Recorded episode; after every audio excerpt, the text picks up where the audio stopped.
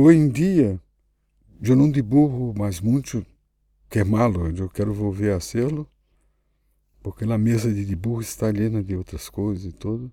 Eu sempre teria dois meses, sempre essa dicotomia né? psicológica. Uma mesa para dibujar e lá eu metia o papel em frente, havia sempre materiais. E nesse dibujo eu nunca sabia, vou a ser isso, não. Eu corri o material, a honra estava lá, o papel, e simplesmente eu vaciava a cabeça e empresava. E depois de um momento eu vi em que direção eu ia conduzir. Aí sim, ou era na figura, ou na isso, aquilo, no objeto, e blá blá. Pero do início era sempre uma coisa como em música, ela, ela ataque. Não? Quando você. É o primeiro toque todo, que ia definir todo o resto. E havia uma outra mesa onde tinha que ser a coisa quase do dibujo técnico, onde estão o tornilho, isso. Então eu trabalhava com essas duas mesas, né? O médico e o monstro, não? Sempre.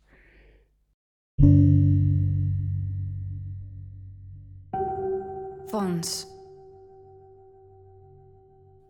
Obres de la col·lecció MACBA explicades pels artistes. Cildo Meireles. Eu emprezei em arte, em verdade, com dibujos, né? minha formação. Eu ganhei que, ninho, com 13 anos, ganhei de meu padre, que não era exatamente um expert em arte, ele gostava de literatura clássica portuguesa, então, pero me regalou um, um álbum grande com a obra gráfica de Goya. Então, que desde os 13 era uma coisa que mirava muito, copiava e tentava reproduzir de memória. E logo aí um outro extraordinário gravador brasileiro, que também me deu meu padre, um librito, por aí também, tinha 13, 14. Hasta que emplezei a dibujar sistematicamente com Félix Alejandro Barrenechea Aviles. Verdade, é o único professor que eu dou crédito, porque foi uma criatura maravilhosa em minha vida. Eu me matriculei em El Taller Libre da Fundação Cultural do Distrito Federal, em Brasília, onde vivia.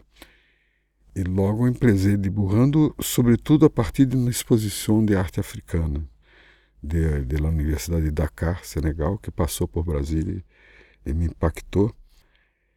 Pero o dibujo que empresou com com as máscaras, a coisa individual. Luego havia um segundo personagem, fui anadiando gente, gente, até que cheguei a uma cruz de duas caias, um dibujo, isso dois, em julho de 68. Pero já havia empresado porque queria meter ordem em minha cabeça. Tinha 18, 19 anos, o dibujo se tornou muito prolixo, com um plano de narração e todo, era sempre figurativo, sempre expressionista. E eu queria me concentrar na questão que me interessasse, e que era, todavia, uma coisa relacionada à ideia de espaço. Então, sempre a ser no que ele amei, amo hasta hoje, espaço virtual, é, rincões. Né? Espaço é dos pontos encontro. É uma série de, de trabalhos que basicamente se utiliza do módulo euclidiano do espaço, que são três planos de projeção. Então, se é uma série de dibujos e implementar as maquetas, os modelos. E eu estava em isso participando em 69, me indicaram para participar de uma exposição que ia escorrer a representação brasileira na Bienal de Reuven de Paris, de 69. Então eram cinco escultores, cinco pintores, cinco dibujantes, gravadores. Né? e naquele momento mostrei os primeiros espaços virtuais e logo os volumes virtuais, que seriam com hilos, fazendo o volume utilizando el muro, el suelo, el techo.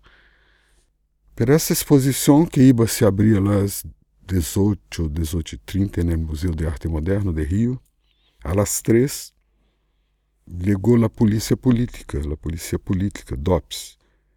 O coronel Montanha era o chefe, que foi direto ao diretor do Museu de Rio.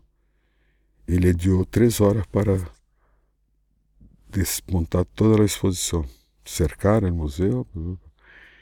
Então foi o que se passou, a exposição não houve, pero generou muitas reações, sobretudo fora de Brasília. E durante 10 anos, os artistas boicotaram a Bienal de São Paulo.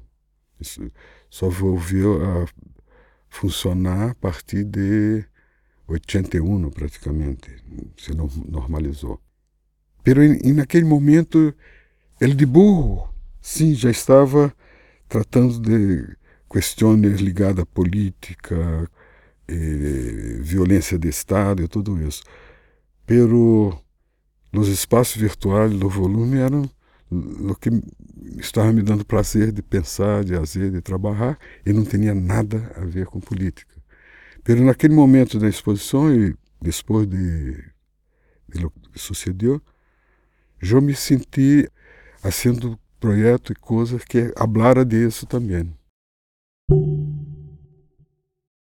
Essa utilização de, de matéria de símbolo, pegou essa expressão, que são coisas ao mesmo tempo matéria-prima, pero são símbolos também. Isso. Porque a mim me gusta, se você utiliza como material, alguma coisa que tenha um, um significado imediatamente é, perceptível por um grande número de pessoas, não? que são paradigmas de alguma coisa, né? em alguma direção.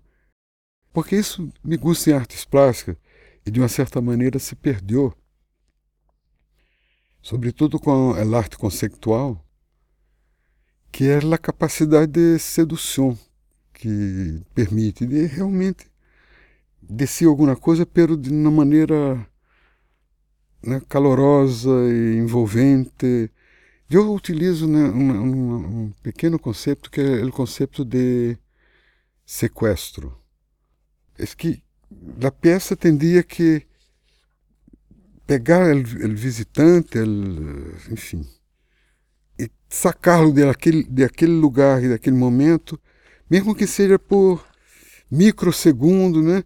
Porque de alguma maneira lo sequestre de, de, daquele, de, daquela situação. E eu creio que, sobretudo, assim, ao redor da informação, a maior parte das exposições, você tinha que ler, ler e ler. E na maioria dos casos eram os piores textos, porque os artistas plásticos podem ser os piores textos, mais, mais aburridos, né? E isso me afastou, foi me afastando. Durante muito tempo eu não queria ter nada com arte conceptual. E hasta que, agora, em 2000 e cinco ou seis, falando com um amigo, que é um compadre também, que foi preso em 70, em Brasil, por la ditadura. Então, anos depois, estava no taller, já onde trabalho, e Sildo, quando eu estava preso em Micela, se entrava algum troço de alguma coisa, a cinta roja do paquete de cigarilho, de celofane, um palilho de fósforo. Eu corri aquilo e me ajudou a passar a hora imaginando o que Silde e seus colegas hariam com esse. como transformaria isso em arte. E aí me dei conta que isso na belíssima coisa que a arte conceitual introduziu, que é trabalhar com não importa que tema, liberdade total, mas sobretudo com os materiais e o procedimento que queira, então não dependia de porque a pintura você sempre vai depender de chaminés, de uma estrutura obreira, de, né, de obreiro, de enfim, muita gente trabalhando para criar tubo de pintura, o tecido na tela, ah, escultura mesmo, mesmo gravado também mesmo. Pero arte conceitual não. Você está aqui e, eventualmente, de, de aqui com o que tem, você cria um discurso interessante. E aí, de uma certa maneira, me reconciliei com arte conceptual. Pero já ora, há poucos anos atrás. Eu não queria saber, não, não sou. Você não, se, não pode abdicar da capacidade de sedução e, e mesmo de devaneio. Não tem que ser todo né, continuamente político e tudo isso. Assim, me, me nerviava. E isso eu creio que é uma característica bem sul-americana, porque quando isso ocorreu, a explosão da arte conceptual, a maioria dos países sul-americanos estava vivendo num regime de ditadura dura. E então, porque havia também essa praticidade de produção, você não, não, não tinha que gastar plata para comprar tinta e tudo isso, você podia ser. Então, eu creio que foi perfeito para o momento da América Latina se utilizar desta linguagem para falar da situação que estava ao redor.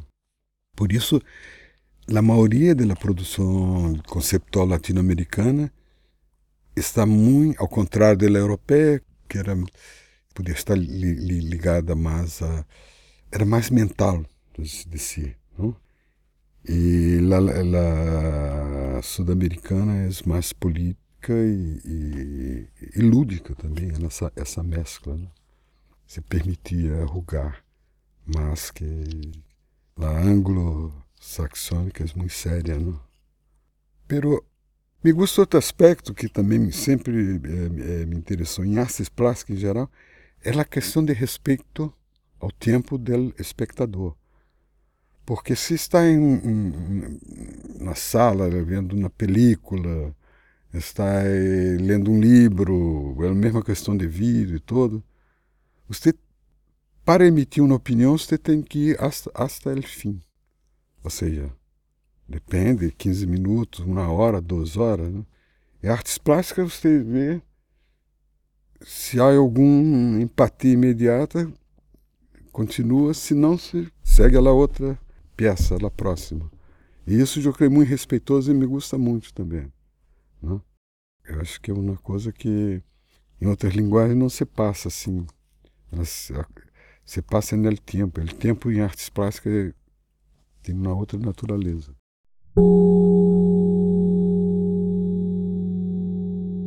Inserções em circuitos ideológicos. Projeto Coca-Cola. 1970 Há algumas peças que estão dentro de um, um conjunto de trabalho que ele chamei de fonômenos, que são fonofenômenos, que são peças que se, que se pousam sobre a oralidade, são peças que se pode explicar, ensinar através de palavras. Não? Inserções é, é uma. Essa relação entre o indivíduo e na macroestrutura, ser industrial, institucional, la invisibilidade do sujeito, a questão de escala, evidentemente, também, e algumas coisas eh, assim que me interessavam. Não? E havia também uma coisa na história da arte brasileira que é a teoria do não objeto, que é um texto central para o neoconcretismo. É um texto de Ferreira Goulart, que está vivo, todavia, eu sempre achei que a teoria do não objeto, que é um texto né, realmente muito bueno para a época e todo, mas eu não encontrava verdadeiramente alguma coisa que se pudera se quedar barro esta esse conceito. E eu queria tentar alguma coisa nessa direção. E em sessões de circuito de essa também é isso uma tentativa de fazer uma coisa que seria um não objeto verdadeiramente. Né? A peça é uma peça sobre produção, distribuição e controle de informação. Pelo trabalho de inserções surgiu sobretudo como esta tentativa de criar uma espécie de comunicação com um grado de eficácia face àquele momento. passou para o Rio de Janeiro em dezembro, Kinas Tomakshine, que era curador del MoMA de Nova York, e que estava preparando uma exposição. E depois se, se, se tornou uma exposição histórica, porque foi a, a segunda exposição grande de arte conceptual. A primeira de eh, Harald Zimmer, em Suíça, que quando atitudes se transformam em forma. Eh, e luego esta Information, que foi no verano de 70 em, em MoMA de Nova York. Então, a questão é, eu, eu volvia de Belo Horizonte, onde participei de uma exposição de Frederico Moraes, Del cuerpo hacia o hasta la tierra. Então, volvi depois de, de la inauguração e o primeiro fim de semana, depois do 21-22, era um fim de semana, eu estava já de volta a Rio e nesse momento havia uma praia que íbamos com frequência com amigos, que depois do recreio de los bandeiras, barra recreios, ele chamava prainha, piccola petita praia. Em La Volta sempre havia um sítio onde comíamos, era muito simples. Depois de, de, de comer, às quatro da tarde, a mesa estava llena de botella, de restos de coisas. E um amigo me correu um, uma semilha de oliva la meteu dentro da botella e disse, você sabe se, se metermos na semilha dentro de uma botella, o sistema de lavagem, de limpamento industrial, e por causa da física, a semilha não sai de dentro de, de la botella, não importa a força da água que entra, do jato d'água. Me quedei com isso na cabeça quando volvi a casa e tinha um texto, que é um texto que aparece.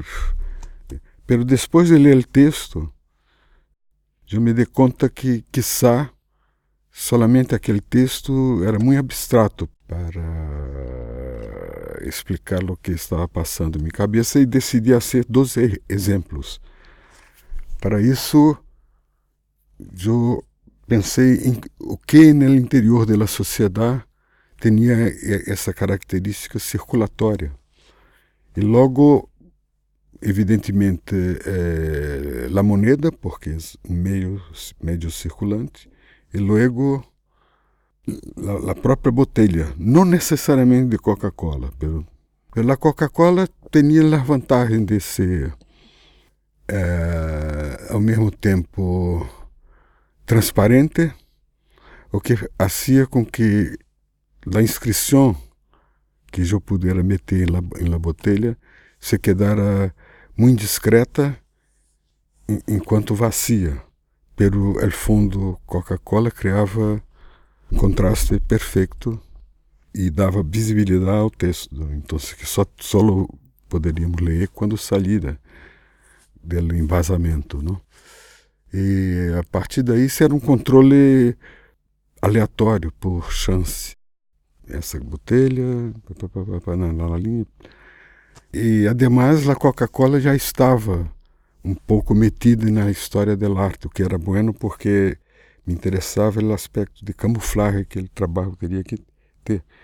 E a partir daí, bom, enviei foi minha participação em Information, lá botei lá, moneda. E para mim sempre, embora inserções em circuito ideológico, projeto UNO, seja Coca-Cola e dos o bilhete. O principal nesse trabalho foi exatamente o projeto dos de los bilhetes, porque tem uma circulação muito maior, era muito mais simples de fazê-lo, porque a botella tinha que ser um adesivo, colgá-lo e logo ir ao horno com 700, 800 graus para que ela era tinta vitrificada que utilizava. Então, quando se acalentava, ela se misturava ao vidro da botella. Então só podia tirá-lo rompendo a botella. E aí foi, era um trabalho que me interessou sempre porque era uma maneira de, de dar voz ao indivíduo face a uma macroestrutura, seja industrial, no caso de, de Coca-Cola, seja institucional, no caso de La Moneda. É claro que se um bilhete de Uno, naquele momento, era menos que na botelha de Coca-Cola, então era, o circuito era muito maior. Então será essa a observação que existe no interior da sociedade, circuitos, coisas que têm essa característica de circulação. E a ideia era utilizar isso porque naquele momento em Brasil havia uma ditadura muito forte, portanto muito, muita censura e eu queria alguma coisa que tivesse uma eficiência, uma eficácia e que ao mesmo tempo pudesse dar voz ao indivíduo, face a grandes coisas.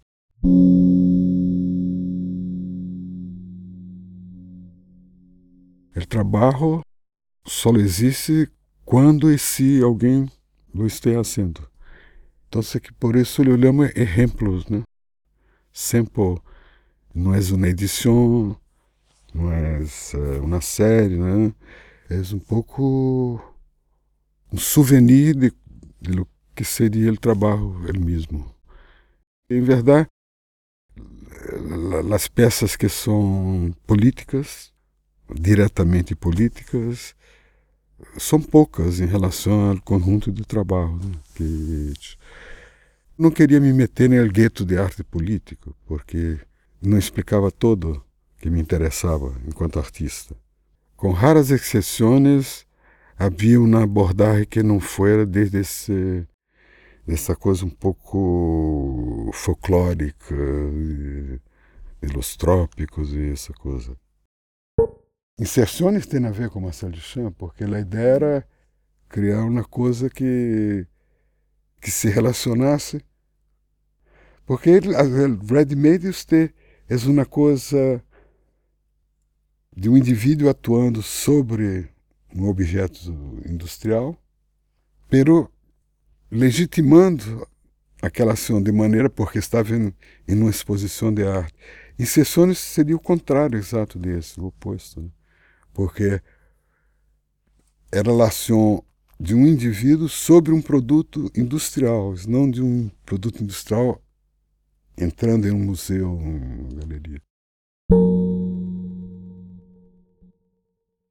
Entrevendo. 1970 a 1994 2013 Como não estava interessado em, em, em, arte, estava um pouco fatigado, porque eu o que vou ser depois de inserções? Vou repetir indefinidamente, vou, vou ser plata com isso? Não vou, não me interessa. E ao mesmo tempo qual seria, como vou continuar. Então. E por isso sempre a ser peças de grande escala. As instalações nasceram um pouco por uma recusa de continuar explotando a coisa de E o paradoxo, no caso, é que um trabalho como inserção é um trabalho muito discreto fisicamente, pelo que pode ter um espaço de atuação muito grande. E ao, ao contrário, as instalações são muito grandes, mas são hechas para uma só pessoa por, por el tempo que quiera, que quisera. Essa é a utopia da peça. E naquele momento, como dizia, essa coisa saía dessa esfera pequena, de bolsilho quase, e empresava a, a ganhar o espaço, o espaço físico. E aí havia uma série de instalações, de projetos a partir daí. E naquela época também estava muito interessado em topologia, e portanto isso na série de projetos que eram coisas de comer, baseada no mapa da língua, do paladar, não das regiões de percepção de la amer, eh, doce, ácido, as quatro regiões, então havia muita cosita que hacía, preparava para que a gente lo meter na boca. E um, um dos trabalhos que he hecho, um dos projetos, foi exatamente entrevendo. E a ideia de entrevendo é você ter uma fonte térmica logo um grande ventilador que traz esse ar caliente na secção, um túnel, secção cônica. Então você entra e o ideal é que, que isso não se veja, que se esteja contra uma praia que quando sente está escuro fundo, não há luz, há a luz no ambiente, mete esses dois trocitos de hielo que são exatamente a decomposição, seriam a, projeção frontal, que é uma espiral, e lateral, que é uma, uma cobrito, uma serpente, se se pudermos ver desta coluna que sai de, de olhar. Então, essa é uma maneira de materializar uma situação de invisibilidade. E lo, lo meti lo salado para diferenciar as, as, as duas coisas, pelo se mete na boca e se caminhasse o calor, então isso que se dissolve, ao fim não, não resta nada. Normalmente há duas datas, duas fechas. A primeira anotação e a primeira reali realização. Essa é 70, 7094, eu creio, porque aí tinha em, em São Francisco, por primeira vez. E é sempre um pouco assim. Assim, sempre me gostou muito matemática, por extensão física, não sou um expert, pero então de uma maneira ou outra todas têm essa coisa que também é um conceito da nova física, pero estava presente desde, desde há, muito, que era uma noção de ordem implícita e que sempre está lá alguma coisa em meio a esse ao caos, sempre existe alguma coisa que em um momento dado explica, explica muitas coisas.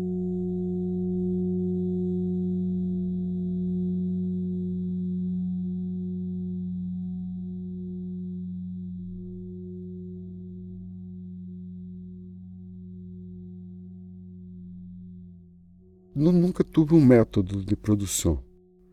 E isso era a coisa que me gostava em artes plásticas, que era para cada ideia que tenha, você tem empresa del zero. Então vocês podem para lá, para cá, com esse material, aquele outro material. Em verdade, o que passa é que às vezes passam relâmpagos em tua cabeça. Você sabe que alguma coisa se passou, mas não consegue exatamente circunscrever, definir, explicar, não sabe a forma, o color, o tamanho e tudo. Portanto, não há um, um método preciso de chegar a finalizar a ideia de um projeto. Pero isso me gusta em artes plásticas, pero ao mesmo tempo, cada peça tem uma espécie de pequena biografia. O de entrevendo foi uma coisa que não, não tinha nada que eu pudesse perceber como um, a informação original, original, que originaria alguma coisa. Zero centavo, 1974-1978. Zero dollar, 1974-1984. Zero cent, 1974-1978. São bilhetes que são muito, muito, muito parecidos aos bilhetes que circulam, e, sendo que há algum elemento um pouco de broma, como no caso do Zero Cruzeiro, que foi o primeiro, há um catatônico, que descobri por acaso quando estava haciendo um vinil em 74, Estava sendo teste, porque não fotografo. Estava com uma câmera Olympus, né, aquela toda automática.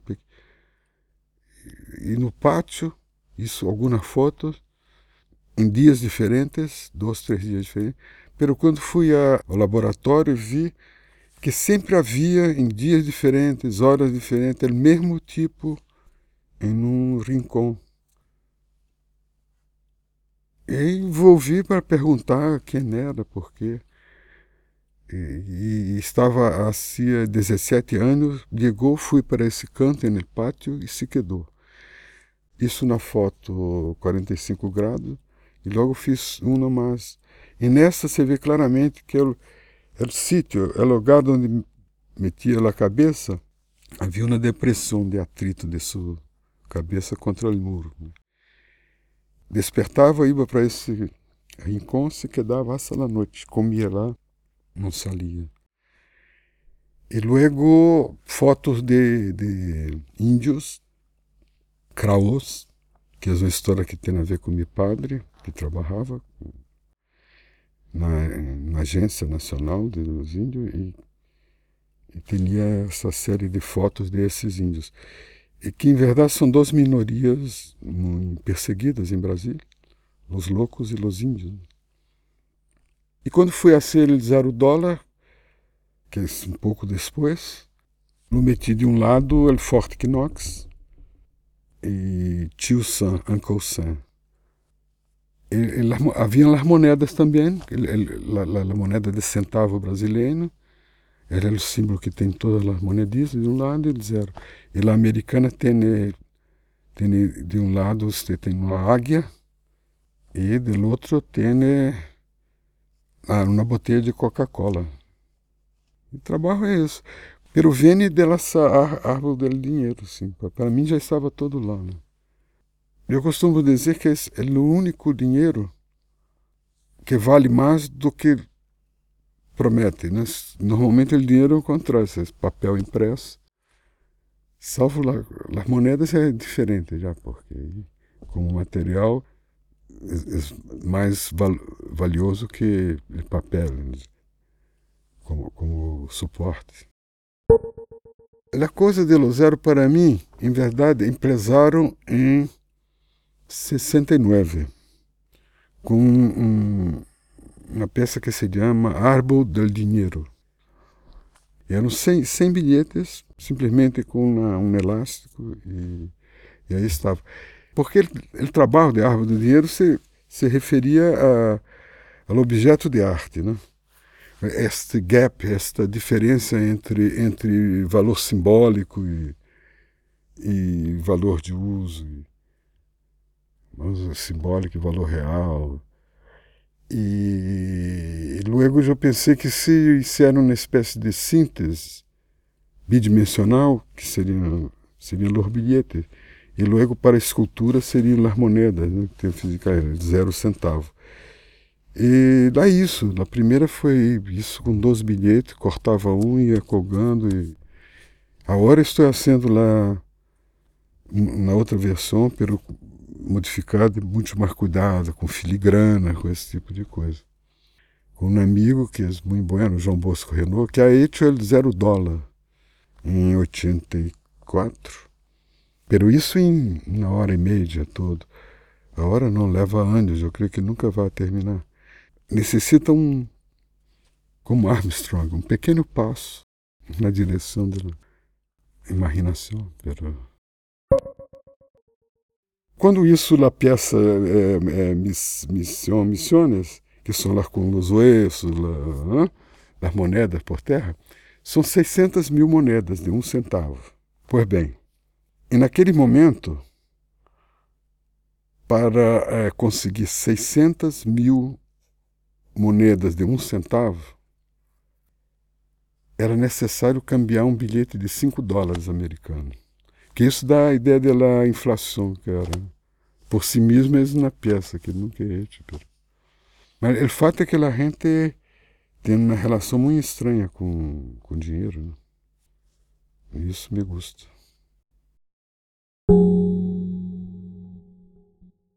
Imensa. 1982. Imensa em verdade é quase uma ilustração da situação fractal. Lá isso por primeira vez, fim de 81, 80, para uma exposição em São Paulo, na Galeria Luiz Estrina. E era de madeira. E, pero ao mesmo tempo que isso na progressão, eh, duas são progressões aritméticas.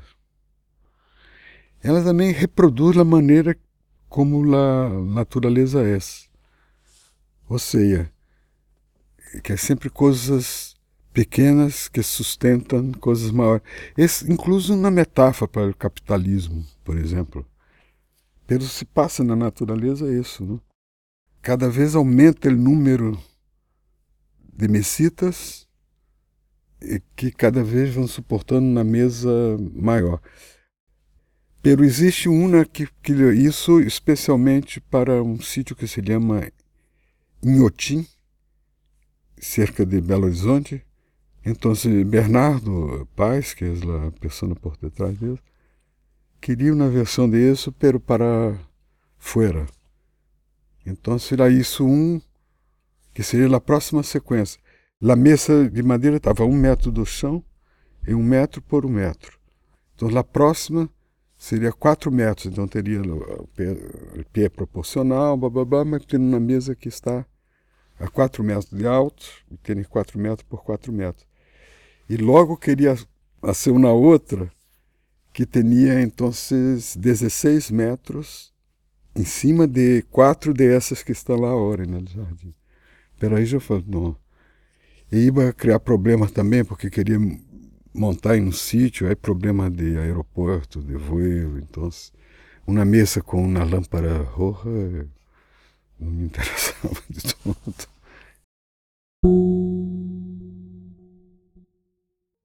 Globetrotter, 1993 Eu empresei a colecionar porque, naquele momento, Pedro Ariel, meu irmão mais uh, maior, tinha cerca de seis, sete anos, e Orson, que é mais novo que está aqui comigo, né? os dois eram pequenos, então se tinham muitos balões de diferentes tamanhos. Eu empresei colecionando isso, e que ia se perder, eu não sabia o que ia ser. E logo comprava quando via, e fui eu não sabia o que ia ser. E logo me chamou uh, Rasmussen, que era del MoMA de Nova York, ia fazer, uma grande exposição relacionada a contato entre Europa e América, Colombo e todos. Eu tinha um projeto que havia feito para uma galeria que me invitou aqui de Madrid, Juana de Mordó, em 91, para hacer una exposición como tema el América, Cristóvão Colombo e tudo isso. Eu hice um projeto. Pero quando liguei a Madrid para discutir, o senhor, o marido de, de Elga de Alvear, que é a, proprietária da galeria, fui a cenar em sua casa lhe ensinei a maquete de América, que era o projeto novo que havia hecho. Ele ele era historiador de guerras, então conhecia todas as guerras de Espanha. E quando viu a peça, pero isso é mais balas que Espanha utilizou em todas as guerras, que eram 55 mil uh, bullets. Né? E eu tinha ia ser para ser com metal tinha que pedir na permissão Ministério de Defesa enfim na burocracia brasileira e tinha que ter seis meses. Acabei não nascendo com Rona de Mordó e logo depois passou Rasmussen esse tio del Moma que ia fazer uma grande exposição que empresava em Sevilha, ia a Paris, Colônia e Moma. Terminou em Moma. E quando me, me, me disse que queria fazer a exposição com coisas que se relacionavam à descoberta e tudo, eu ensinei a maqueta de América. E ele falou, não, é isso que quero, papapá. Mas não tinha a plata para a produção, eu não tinha também. Então, que me, me pediu um tempo, e logo quando me liga dizendo, Sildo, fazer a peça, tenho, tenho o dinheiro, eu falei, a hora de eu estava saindo em 92 para, para Cássia, para a documenta, em, em três dias. Eu falei, a hora não, não põe, então tem que pensar em outra coisa.